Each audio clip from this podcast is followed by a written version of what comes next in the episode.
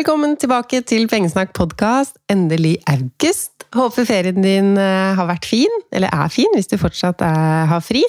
I dag skal du få høre et intervju, og så er jeg tilbake neste uke med en episode som jeg ikke har laga ennå, men som jeg vil ha dine innspill til. Fordi jeg spiller jo inn denne introen før sommeren og vet ikke hva vi kommer til å være opptatt av i august. Hva du vil høre om, hva du bekymrer deg for, eller kanskje du har funnet ut et eller annet smart som du vil dele med fler. Send meg en mail på lise.pengesnakk.no, så lager jeg enten en spørsmål og svar-episode, eller hvis jeg ser noen kjempeinteressante temaer eller noe som går igjen, så blir det egne episoder om det. Takk for hjelpa, og nyt dette intervjuet. Velkommen til Pengesnakk podkast. Jeg heter Lise, og i dag har jeg besøk av en hel familie her i studio. Et sovende barn og Kristina og Lars. Dette er et par som er, på samme måte som meg, opptatt av hvordan man kan bruke penger som et verktøy for å leve det livet man ønsker. Men så har vi ganske ulike strategier og også andre mål. For der f.eks. feriereiser er noe jeg gjør lite av for å spare penger, sparer disse penger for å kunne reise mest mulig. Jeg putter masse av mine penger inn i det å bo. Hva disse gjør for å bruke minst mulig penger på bolig, skal vi høre om i dag. Men la oss starte med å fortelle litt om hvem dere er, og kanskje litt sånn økonomisk bakgrunn. Har dere alltid vært opptatt av penger og sparing? Lars? Nei, jeg eh, starta tidlig å jobbe. Som 17-åring begynte jeg i lære og har jobba siden. Eh, inntil jeg sa opp jobben min. Ja.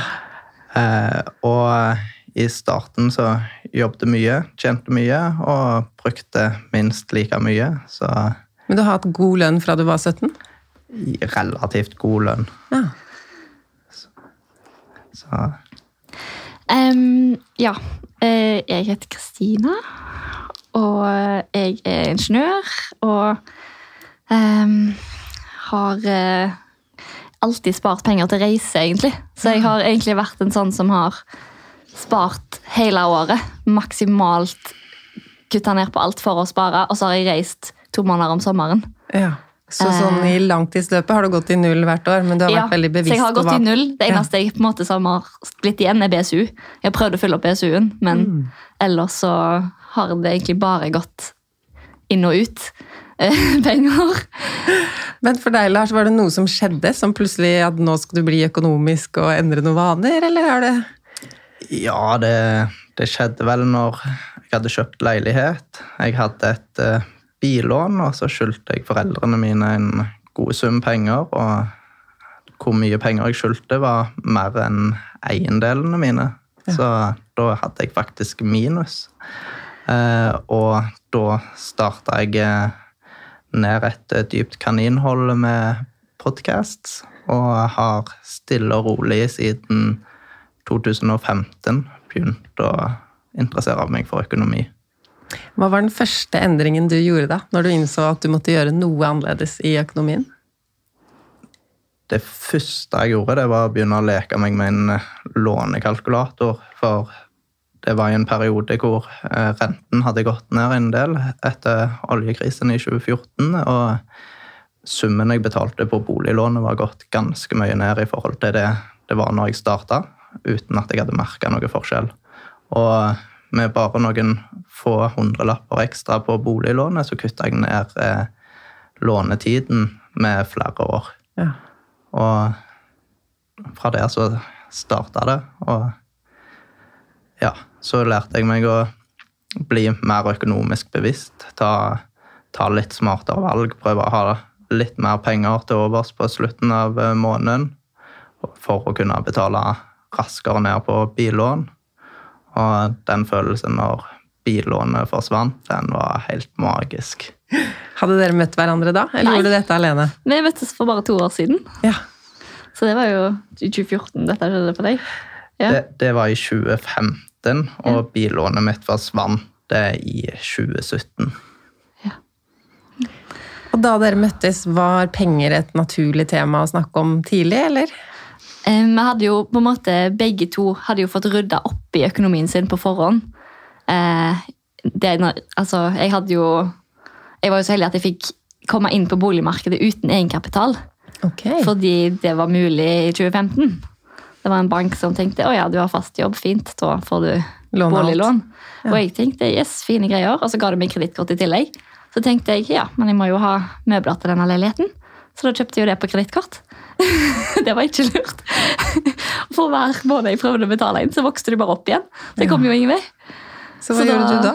Nei, eh, jeg betalte jo så godt jeg kunne, men jeg brukte over et år, tror jeg. Og jeg endte med at de siste 20 000 tror jeg at jeg lånte av min lillebror. Noe så nedverdigende som å låne av sin lillebror. så for å slippe rentene, da. Ja. Så jeg var jo veldig heldig med den. Ja. Og du har betalt han tilbake Ja, nå, ja, ja. regner jeg ja, med? ja, dette var i 2015, tror jeg, eller 2016. eller noe sånt. Ja. Så ja. Men siden det så fikk jeg jo panikk for kredittkort. da. Så da ble jeg jo Ja, og så har jeg jo vært og reist en del, da, så da ble jeg veldig god på sparing for å spare til reise. Så min på en måte rydding i økonomien etter det kredittkortet var egentlig bare å sørge for at jeg alltid hadde nok penger til å reise, da. ja. Og reising, det er du òg glad i? Ja, eh, det er jeg veldig glad i. Det, jeg har, Bortsett fra å jobbe, så har jeg hatt et friår hvor jeg var i Australia. Og det var veldig kjekt. Og så har jeg vært tilbake en gang siden òg, på en lengre roadtrip. Men siden dere møttes, så har det jo ikke vært så lett å reise utenlands, i hvert fall. Ikke i det hele tatt. Um, men eh, ja, når vi, for å svare på det du svarte spurte om sist, så var det jo egentlig bare at det, det var egentlig ikke et fokus, men vi, hadde, vi ble jo heldige at vi kom inn i et forhold der begge hadde kontroll. Sånn at eh, eh, det var jo på en måte ingen Det var veldig lett å komme inn i det. da. Og så etter eh, jeg tror etter bare en måned sammen, så hadde vi felles matkort. Sånn tvillingkort. så Og så hadde jo Lars lest om denne FIRE-bevegelsen for å bli økonomisk uavhengig, som han sakte, men sikkert eh, innprinta i meg, da. Hvordan klarte han å få deg interessert i det? Nei, jeg husker i starten så sa han sånn Du, vi må ta en prat om noe. Det er noe jeg har lyst til å liksom fortelle deg om. Oi. Og jeg bare ok. Kunne Og vært hva som helst. Ja. og så sa han liksom at han hadde, la han liksom fram det her om fire. da. Og jeg tror ikke jeg skjønte egentlig helt hva det gikk i, så jeg hjerta liksom bare med. Ja, det er sikkert fint, det. Vi kan godt spare penger, jeg er god på det. så, men å spare penger uten at de skulle få lov å bruke det på reise Ja, den det var, satt litt lenger den inne. satt lenger inne. Men så var jeg jo på en måte holdt på å si, så heldig at det var korona òg, da. Så vi fikk jo ikke bruke de på reise uansett. Nei. Sånn at det var det ikke like gale da, å sette de på investeringer. Men dere hadde hver deres leilighet da dere møttes. Ja. Og når det ble snakk om å flytte sammen, hva gjorde dere da? Da solgte vi de. Ja. Begge to? Ja. Ja. Ja. Um, det er litt sånn rar historie, men vi, ja, vi ble veldig, veldig, veldig fort sammen. Uh, ting har gått ekstremt fort. Så Det ser ikke ut som Lars er helt enig. Det var helt naturlig. det var jo helt naturlig for oss. Ja. Men etter å ha vært i lag i tre måneder, Ja. så solgte vi begge leilighetene. Og så kjøpte vi oss et oppussingsobjekt. Ja. Det gjorde vi etter tre måneder i lag. En leilighet, eller var dette et hus? Rekkehus. Rekkehus. Og så, hvis vi spoler litt til, for det er ikke der dere bor nå? Nei. Nei. Hvorfor kjøpte vi rekkehuset, Lars? Nei, det var jo at det Vi prøvde å gjøre det billig. Eh, Så når banken ville låne oss mye penger, så valgte vi å kjøpe et eh, rekkehus som hadde til to millioner og en liten fellesgjeld. Eh, Og tenkte vi gjorde det smart. Det hadde ikke altfor høye høy- felleskostnader, og vi tenkte det var fint. Eh, For hvor mye kunne dere kjøpt for, ifølge banken? Mye, tror jeg. Ja, litt over seks millioner. Ja, Og Så valgte dere noe til to. Ja. Ja. Sånn at vi tenkte jo at nå er vi fornuftige som kjøper et rekkehus til bare to millioner. Mm. Altså, For sånt er jo boligmarkedet i Haugesund. Det kan jo ikke helt sammenlignes. Det er ikke Oslo-priser vi med- Nei, det kan ikke helt sammenlignes. Men altså, alle mine venner da, Ja. bor i enebolig. Ja, Fordi det kan de fleste ikke sant? med forholdsvis grei inntekt kan bo i enebolig i Haugesund. Men jeg ønsket å heller å ha et sånn et borettslag litt mindre, hvor du har mindre eh, kostnader for å bo. For det er jo ganske mange kostnader som følger med i en stor enebolig. Det uansett hva den koster når du kjøper den, så er det like mange liter maling som skal males, og like mye tid det tar å male den boligen. Eh, så det, det ønsket ikke jeg, for jeg ønsker mer tid til, til familie og hobbyer. Og ikke på vedlikehold. Ja. Så da tenkte vi at nå gjør vi det lurt i at vi kjøper en sånn her eh, andel som noen andre tar vedlikehold utvendig. ja. Så da hadde vi 100, litt over 100 kvadrat bolig, og så hadde vi en 25 kvadratmeters bod som vi flytta inn i. Og når du kommer fra to leiligheter og skal inn der, så ble det trangt. Vi hadde dobbelt opp av alt. Vi hadde dobbelt opp av absolutt alt. Så det ble en stor opprydningsrunde der.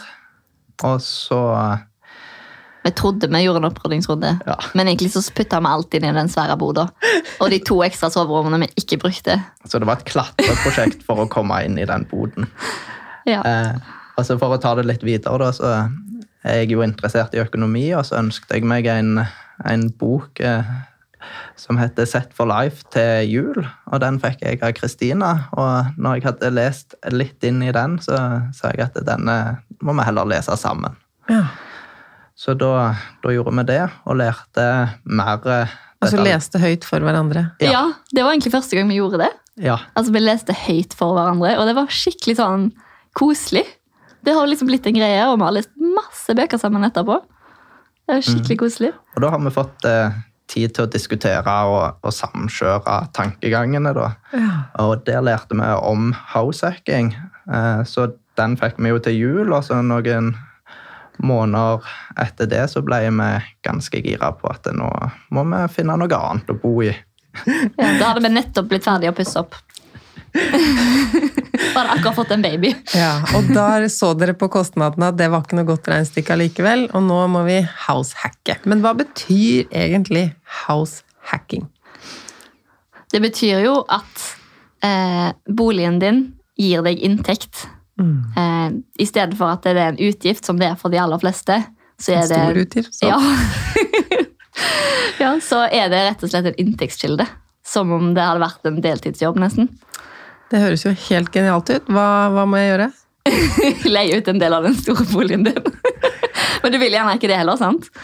Nei, det, Og det tror jeg de fleste, eller kanskje mange, ikke gjør. Men den vanlige måten å egentlig gjøre det på, litt sånn mer ubevisst, er jo at man gjerne kjøper seg en enebolig med en hybel i kjelleren. Um, man househacker jo da også, Ja. men man gjør det jo gjerne for å få råd til den boligen man ønsker seg. da. Mens dere har downsiza for å få det til. Ja. Vi fant, eh, Lars fant en eh, bolig, det er en sånn halvparten av en tomannsbolig, der vi bor i én leilighet, da, og så er det en kjeller som er godkjent for utleie. Ja, Så det er fire enheter i huset, og dere eier to av dem. Ja, som Ja. er i første etasje av kjelleren. Um, og når Lars kom med den, så tenkte jeg bare vi kan ikke bo der. Hvor skal vi gjøre av alle tingene våre? Det var ikke det livet du hadde Nei. sett for deg. Det har ingen boplass. Sånn, vi har en liten trappeoppgang ned til liksom, de som bor i kjelleren. Det er alt vi har av bod. Altså et bitte lite walk-in closet på kanskje en, kvadratmeter eller noe sånt. Ja, Litt mer, men Ja. den, eh, det walk-in closetet fikk vi jo tidlig klarert at det var til friluftsutstyr. Ja, Det var det jeg tenkte når dere ikke har bod, for dere har jo litt sånn telt og Ja. Eller litt. Vi måtte rett og slett prioritere. Lars prøvde seg på å si sånn Jeg bare Yes, walk-in closet har vi iallfall, liksom. sant?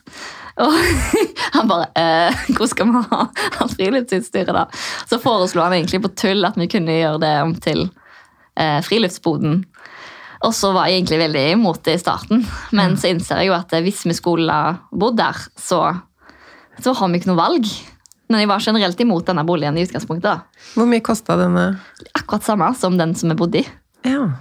Så Så- 2,35, og der er det jo ikke felleslån. Pluss at du hadde en hybel i kjelleren. Ja, Så nå fikk vi på en måte to for én, da, egentlig. Og Visste dere på forhånd hva dere kunne regne med å få for den? Ja, hun som hadde bodd der før, hadde jo leid den ut. Ja. Sånn at eh, vi visste jo hva vi kunne få inn. Og det, det vi får inn nå, nå tar vi det litt, litt lavere enn vi tror vi kunne fått, fordi okay. vi kjenner de som bor der, eller vi vet hvem de er. Ja. Vi tenkte det var deilig å ha litt noen trygge folk, da. um, Iallfall nå første gangen. Mm. Um, men ja, vi får inn 7000 i måneden. ja. Og så har vi regnet ut at det med absolutt alle utgifter i form av kommunale avgifter og søppeltømming og forsikringer og TV og internett og liksom alt. Hvis du regner med absolutt alle kostnader, inkludert faktisk vedlikeholdskostnader, så tror jeg vi kunne betale avdragene sjøl. At de dekker alle renter og absolutt alle andre Alle kostnader. Ja, og så betaler jo halve strømregningen. Og, sånn at det, vi betaler avdrag som vi regner som sparing, da. Ja.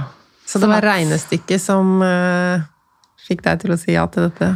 Ja, det var litt sånn Ok, jeg må nedgradere kraftig, da. Men da igjen så hadde jo Lars svaret på det. Det, og, men de var nok litt uheldige med annonsen, for det var relativt dårlige bilder. Og så er det litt Det ser litt ikke så bra ut. Det er en stygg plastikkledning fra 80-tallet som er gul og falma. Og sånn at alt i alt så får du et sånn ikke så perfekt inntrykk når du kommer til boligen, men eh, tallene er helt fantastiske. Ja, og altså, når vi kom dit første gang, så tenkte jeg bare Vi kan ikke bo her. Det Men- er en sånn garasjegreie foran der som er helt sånn falleferdig. Det ser ut som de skal falle fra hverandre. Og det er liksom fronten, der. Det er det du ser når du ser på huset. Så det er Det ser ut som slummen. Men når du kommer inn i leiligheten, og vi har eh, den retningen vi ser, så ser vi ut på den fine grønne plenen vår, eh, som så ut som en blomstereng når vi ikke klippet den. eh, og eh, det er en nydelig plass å bo. Dere trives? Ja, vi trives kjempegodt. Um, men ja, for å komme oss inn i denne boligen, da, så måtte Ja. jo Lars komme med et nytt uh, fenomen, som var minimalisme. Mhm. Så da eh, tok jeg og gikk inn på Netflix og viste den filmen med, som heter Minimalisme. Eh, og viste den til Kristina, og hun fikk overtenning. Jeg Så da var det ikke så viktig med det eh, walk-in closetet lenger. Nei, altså Jeg blir veldig sånn fort engasjert og inspirert av andre. da. Ja. Så jeg, eh, når jeg så at liksom, hva trenger vi egentlig? Eh, sånn at eh, liksom, både når tallene var så gode, da, og jeg så hvor mye vi kunne spare og reise hvis vi bodde der, em, og at det å være liksom, litt mer sånn minimalistisk da, og bli kvitt veldig mye av tingene våre, det var egentlig bare litt sånn Ja, men det kan vi klare. Og så bydde vi bare på den, og så fikk man, for det var jo ingen andre som ville ha den. så da fikk vi til prisantydning. Men når du sa at når du så det her, og her kan vi ikke bo, hva var det du tenkte på da? Var det noe med status inne i bildet? At dere to voksne folk med fine jobber, Ja, var det litt litt det. nedverdigende å skulle bo i en med en falleferdig garasje utafor? Ja, jeg kjente veldig på det. At det er sånn, herregud, hva kommer mamma di til å si nå? Og hva kommer venninnene mine som bor i enebolig til å si? hver sin enebolig. Ja, for de er jo veldig sånn som ja, veldig mange andre da, som setter veldig pris på å bo fint og ja, kose seg med det. Mens, eh, ja, det kunne ikke akkurat vise fram så mye der. Men har dere blitt, eller har dere måttet bli liksom klarere på deres egne verdier? Vi liker å reise, og det er vår prioritering. Ja, Vi diskuterer hele veien hva som er prioriteringene våre, hva hva vi ønsker å bruke, bruke tiden og pengene våre på. Det, det er noe vi bruker mye tid på, og vi endrer mening mye. Ja. Og det er lov å endre mening. Ja og det er jo Monster som kanskje gjorde at eh, jeg kjente at eh, jeg har lyst til å være i lag, alle tre. Jeg har ikke lyst til å bare være meg alene med han, eller deg alene med han. Eller Jeg vil liksom at vi tre skal være i lag, for da har vi det så fint. Da er det liksom ikke Det er ikke så stress, sånn som hvis du har et barn alene. Det er liksom, det er avlastende og kjekt, og jeg har liksom lyst til å ha mer den tiden. da. Og så har jeg så lyst til å være der i hans oppvekst. Jeg har ikke lyst til å miste han, fordi jeg jobbet for mye for å bo så fint som jeg ville. Og så ja, Jeg har lyst på den tiden med han, fram til han begynner på skolen. I hvert fall. Så lenge han gidder. Det er jo den tiden han gidder å prioritere å være med oss før han vil ut og leke med folk. og sånn. Så hva gjør dere helt konkret for å få mer tid med Mons? Jeg har sagt opp jobben. Eh, Så det, det er jo en, eh, en sammenheng med at vi fikk denne boligen, og den er da i gåavstand for Kristina, så hun kan gå til jobb. Ja. Eh, Så da kan vi kvitte oss med én bil istedenfor å ha hadde to. dere to biler, ja. Mm, han pendla. Eh, Og pendlingen min gjør at jeg kjører litt over syv, og så kommer jeg hjem litt, over, eller litt før fem hver dag. Så det, det blir jo en lang dag, i tillegg til at hver eh, fjerde uke så bor jeg hjemmefra for å kunne være i en vaktordning.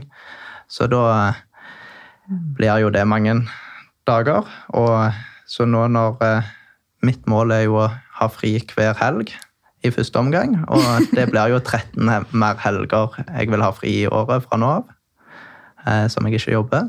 ja. Så det er en del av det vi gjør. Og så vil vi jo begge to kunne ha mye mer energi. For hvis Kristina er alenemor eh, i ei uke, så trenger jo hun eh, å ha litt eh, få, få litt energi etterpå. Og det vil jo jeg òg gjøre etter jeg har jobba i ei uke i strekk. ja. Så, eh, så vi satser på at med mer tid sammen, så vil vi ha mer energi til å kunne gjøre ting hver for oss, og ha mer energi til å være med Mons. Ja, altså når han Når jeg gikk i mammapermisjon, når jeg fødte han, så bestemte vi jo samtidig at Lars skal gå ned i 80% stilling. Mm. Um, og ta heller det lønnskuttet. Fordi jeg kjente at jeg, jeg har ikke lyst til å gjøre dette alene når han er vekke så stor del av dagen. Og han må få sove på natta, da. sånn at da hadde jeg hele, hele natta og hele dagen. Og han var hjemme én time kanskje i hans våkentid Mm. til dagen. Og så var han vekke hver fjerde uke. ja. Det- For det forsvant ikke med å gå ned til 80 nei. Nei. nei. Men vi fikk jo en ekstra dag i uka i lag, da. så det hjalp jo veldig veldig på. Men da var jo han òg utslitt, for han, han jobba så mye. Sånn at da var vi fortsatt bare slitne. Ja. Sånn at eh, Men tenker dere at Ja, unnskyld. Nei, altså langhelg hver helg. Det er jo på en måte litt av greia. Instagram vår heter jo Langhelg hver helg. Eh, og det var jo hele konseptet vårt, egentlig. At vi ønsker å ha fri i langhelg hver helg. Men du jobber på fredager. Jeg jobber fredager ennå. Det gjør jeg. Jeg føler at eh, jeg trives såpass godt i jobben min da, akkurat nå. Og nå er jo Lars i pappaperm. Ja, ok. Sånn at eh, ja, det er jo mange vi kjøpte pappaperm. Mye mer pappaperm. Og mye mer mammaperm. Vi har han jo hjemme helt annen 14-15-16 måneder blir han. Ja. 16 måneder når han begynner i barnehage. Ja. Sånn at eh, vi kjøpte oss jo på en måte mer fri. Eh, begge to. Men er det househackinga som har gjort alt det her mulig? Mm, Ja, egentlig. Økonomisk, ja. Altså, vi hadde jo, det hadde jo gått rundt allikevel. Men det hadde vi jo ikke kunnet spart sånn mye som vi ønsker. Og vi har jo et sparemål dette året her på ganske mye penger. Og eh, skal vi se, Nå er det så mange ting jeg vil spørre om på en gang. Ja. Først og fremst, Hva er det dere sparer til? Vi sparer, Først så skal vi spare i fond. Målet er å ha én million i fond. Og utbytte aksjer og litt sånn startups, investeringer og litt sånn. Så totalt én million investert. Det er det Ja. første målet. Okay. Um, og det, det hjalp jo å selge den ene boligen vi hadde pustet opp, da, og fikk få tilbake de pengene vi hadde pustet opp for. Ja. Så da fikk vi jo putta det inn i fond. ja, For dere fikk mer for den enn dere kjøpte tomannsboligen for? ja, men vi hadde jo òg brukt det på å pusse opp. Ja, sånn at okay. vi gikk jo strengt tatt ca. i null. Men Ja, vi fikk jo på en måte likvidert de pengene igjen, da. Og da kunne vi investere de. Og så solgte vi jo den inn i bilen, så kunne vi investere de pengene. Og så skal vi jo spare da, til vi har én million totalt. Vi hadde spart jo litt år før òg. Eh, og så etter det så skal vi spare til friår. Hadde tenkt å ha langhelg hver helg først. Ja, Men jeg tror, jeg tror det blir drømmen om friår som blir det vi sparer mest til nå. Mm. Så vi sparer både til framtiden med å ha den millionen investert. Da trenger vi ikke tenke på f.eks. pensjon, oppsparing, det er friåret, og vi trenger ikke å stresse, liksom.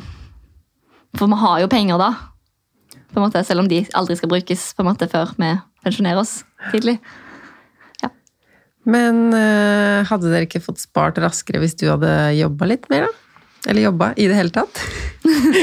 Jo, men du eh, må ha litt eh, livsglede òg. Så hvis en, hvis en jobber for mye, så, så føler jeg at det går for mye på bekostning av eh, familie for, for meg. Eh, Så mitt mål er jo at eh, når jeg er ferdig med pappaperm i september, så håper jeg å finne meg noe jobb i Haugesund, sånn at jeg får kortere pendling. Ja, Så du skal Så jobbe når skal- Mons begynner i Ja, barnehagen? da, Ja. da skal jeg jobbe. Så, Jeg vet bare ikke helt om jeg hva er nå. Nei. Og jeg er jo veldig glad i å jobbe. Det er jo en grunn til jeg har hatt en krevende jobb i så lang tid. Det er jo at jeg liker veldig godt å jobbe, men den jobben jeg hadde, den var litt som en livsstil. Eh, og det er veldig kjekt når jeg var ung eh, og ikke hadde en unge. Men nå når jeg har en unge, så har jeg lyst til å være familiefar som livsstil. Så du skal jobbe, altså. Men eh, dere har jo også sagt at dere klarer dere fint på én inntekt, hvis, dere, hvis det skulle være? Ja, vi klarer oss helt fint på min inntekt nå. For nå har vi jo, altså, vi har jo um, boligen som tjener, betaler nesten seg sjøl, da. Sånn at vi trenger jo nesten ikke boligkostnader. Uh, og da kan man ganske greit leve, hvis vi lever litt sånn nøkternt, så lever vi fint på 20 000 i måneden. Og når jeg tjener ganske mye mer enn det i måneden, så kan vi jo fint leve på det og fortsatt spare, da. Hva er deres største utgiftspost hver måned? Jeg skriver dere budsjettregnskap? Ja, vi gjør det. Hva er egentlig det nå? Mat, tror jeg. Ja. Jeg tror det er mat. Mat og liksom kos. Ja. Og transport. Dere har én bil. Er det noe billån? Vi har ingen billån. Det har vi vært veldig bevisst på at vi aldri skal ha. Sånn at uh, Igjen? Igjen. Igjen. Vi lærte av Lars sin lekse. Nei, det går faktisk an å kjøpe bil uten billån. Det går an. Men vi puster jo opp en bolig, den forrige boligen, og så putta vi BSU-en inn der. Og så kjøpte vi, så lånte vi på en måte opp tilsvarende BSU-en. Så BSU-en betalte egentlig for bilen. Så kjøpte vi kun en bil som hadde råd til i forhold til BSU-en. da. Så da slapp vi på en måte det. Og så hadde, fikk vi jo den verdien tilbake igjen. Tilbake til det med househacking. Er det noe alle kan gjøre, eller hvilke forutsetninger må ligge til grunn? Jeg tipper at i Oslo så er det sikkert mye mer utfordrende. Ja. Det nærmeste du kommer her, er hvis at du gjerne kjøper en leilighet med to soverom og du leier ut det ene. Mm.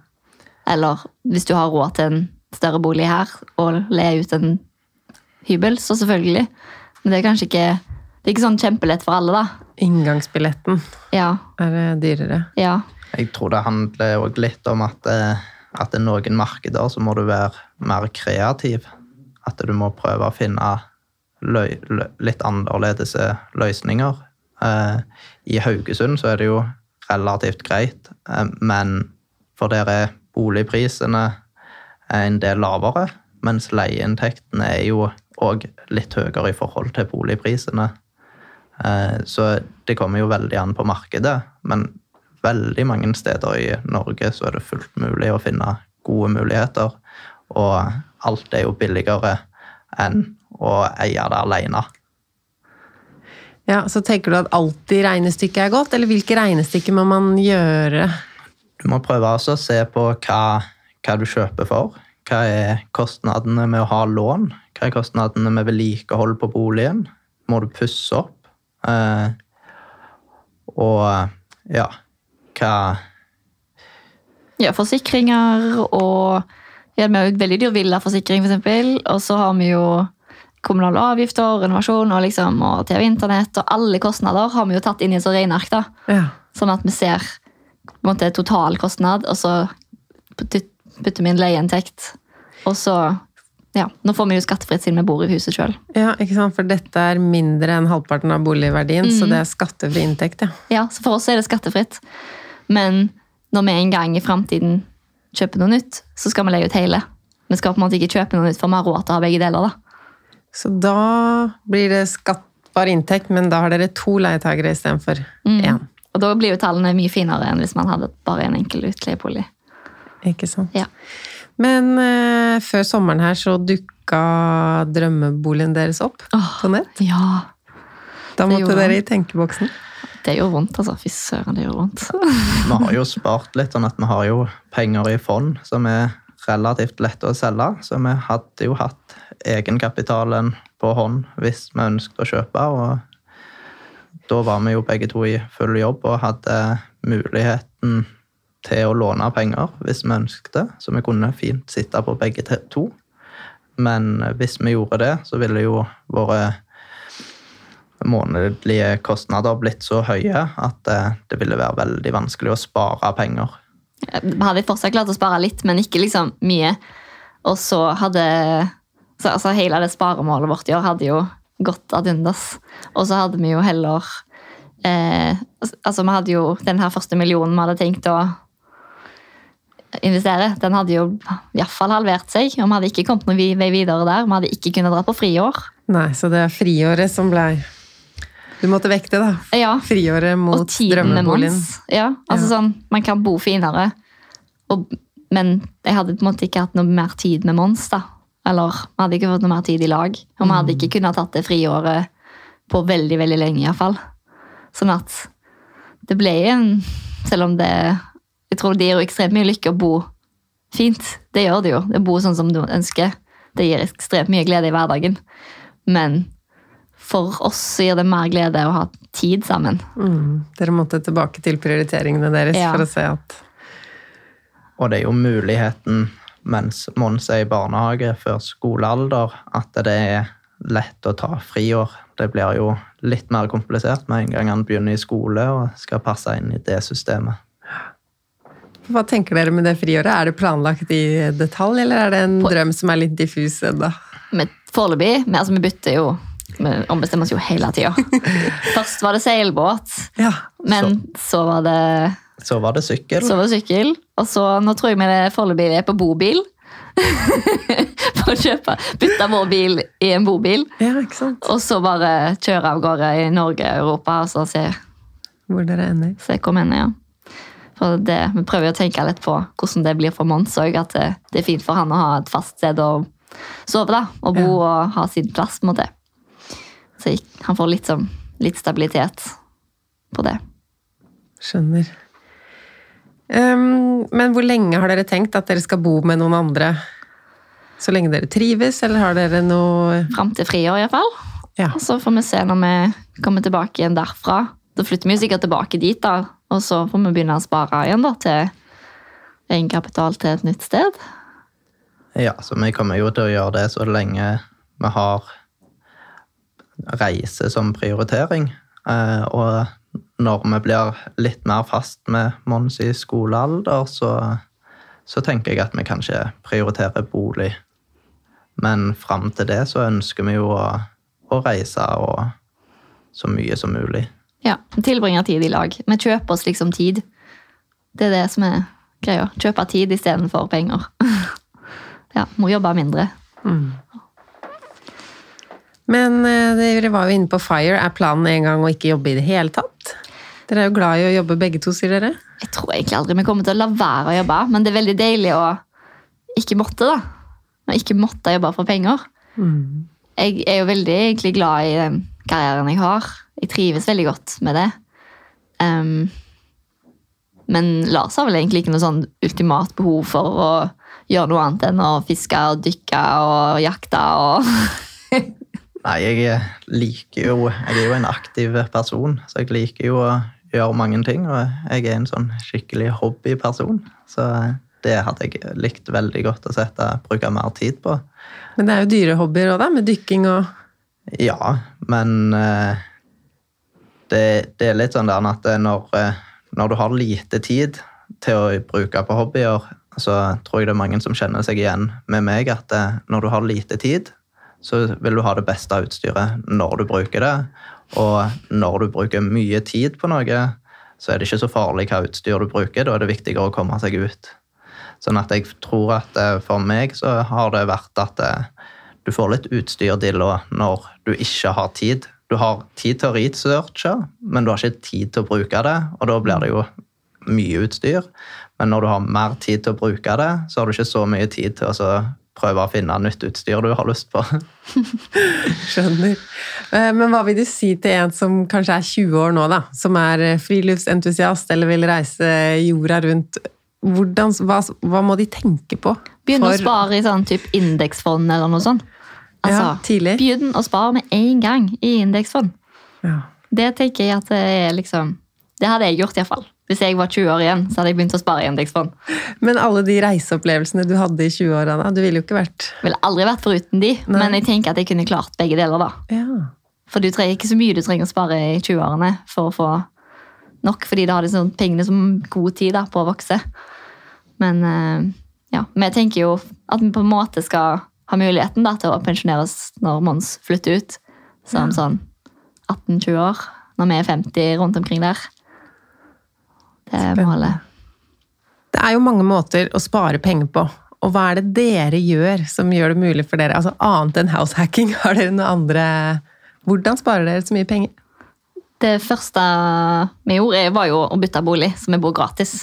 Det var jo eh, den største. Og så det at vi kunne selge en bil og spare på transport med å gå eller sykle til jobb. Um, det måte, Vi fokuserer veldig på å spare på de store tingene, da. Sånn som transport og bolig. Um, og da trenger man på en måte ikke nødvendigvis å spare så mye på sånn gå ut på kafé en gang iblant, eller liksom en sjelden gang gå ut og spise. altså sånn, Man kan liksom unne seg litt sånne ting. Um, men ellers så tror jeg vi sparer mest på å bestille mat hjem. Ja. Det høres kanskje rart ut, fordi det koster jo penger å få det levert. Ja. Eh, Det koster 59 kroner for at noen skal gå i butikken for, meg, for oss, og så handle alt. Slå alt inn, og så kjøre det helt til døra vår for 59 kroner. Det er egentlig ikke så dyrt. Og så eh, slipper vi å gå på butikken med en typ overtrøtt barn. og eh, eh, der liksom Alle de fristelsene da, som er på butikken. Så er man type sliten etter jobb, og så skal man liksom gå på butikken med et barn, og så skal man ha lyst på alt. Og så er det så mye Man har så lyst til å prøve når det er så mye nye ting.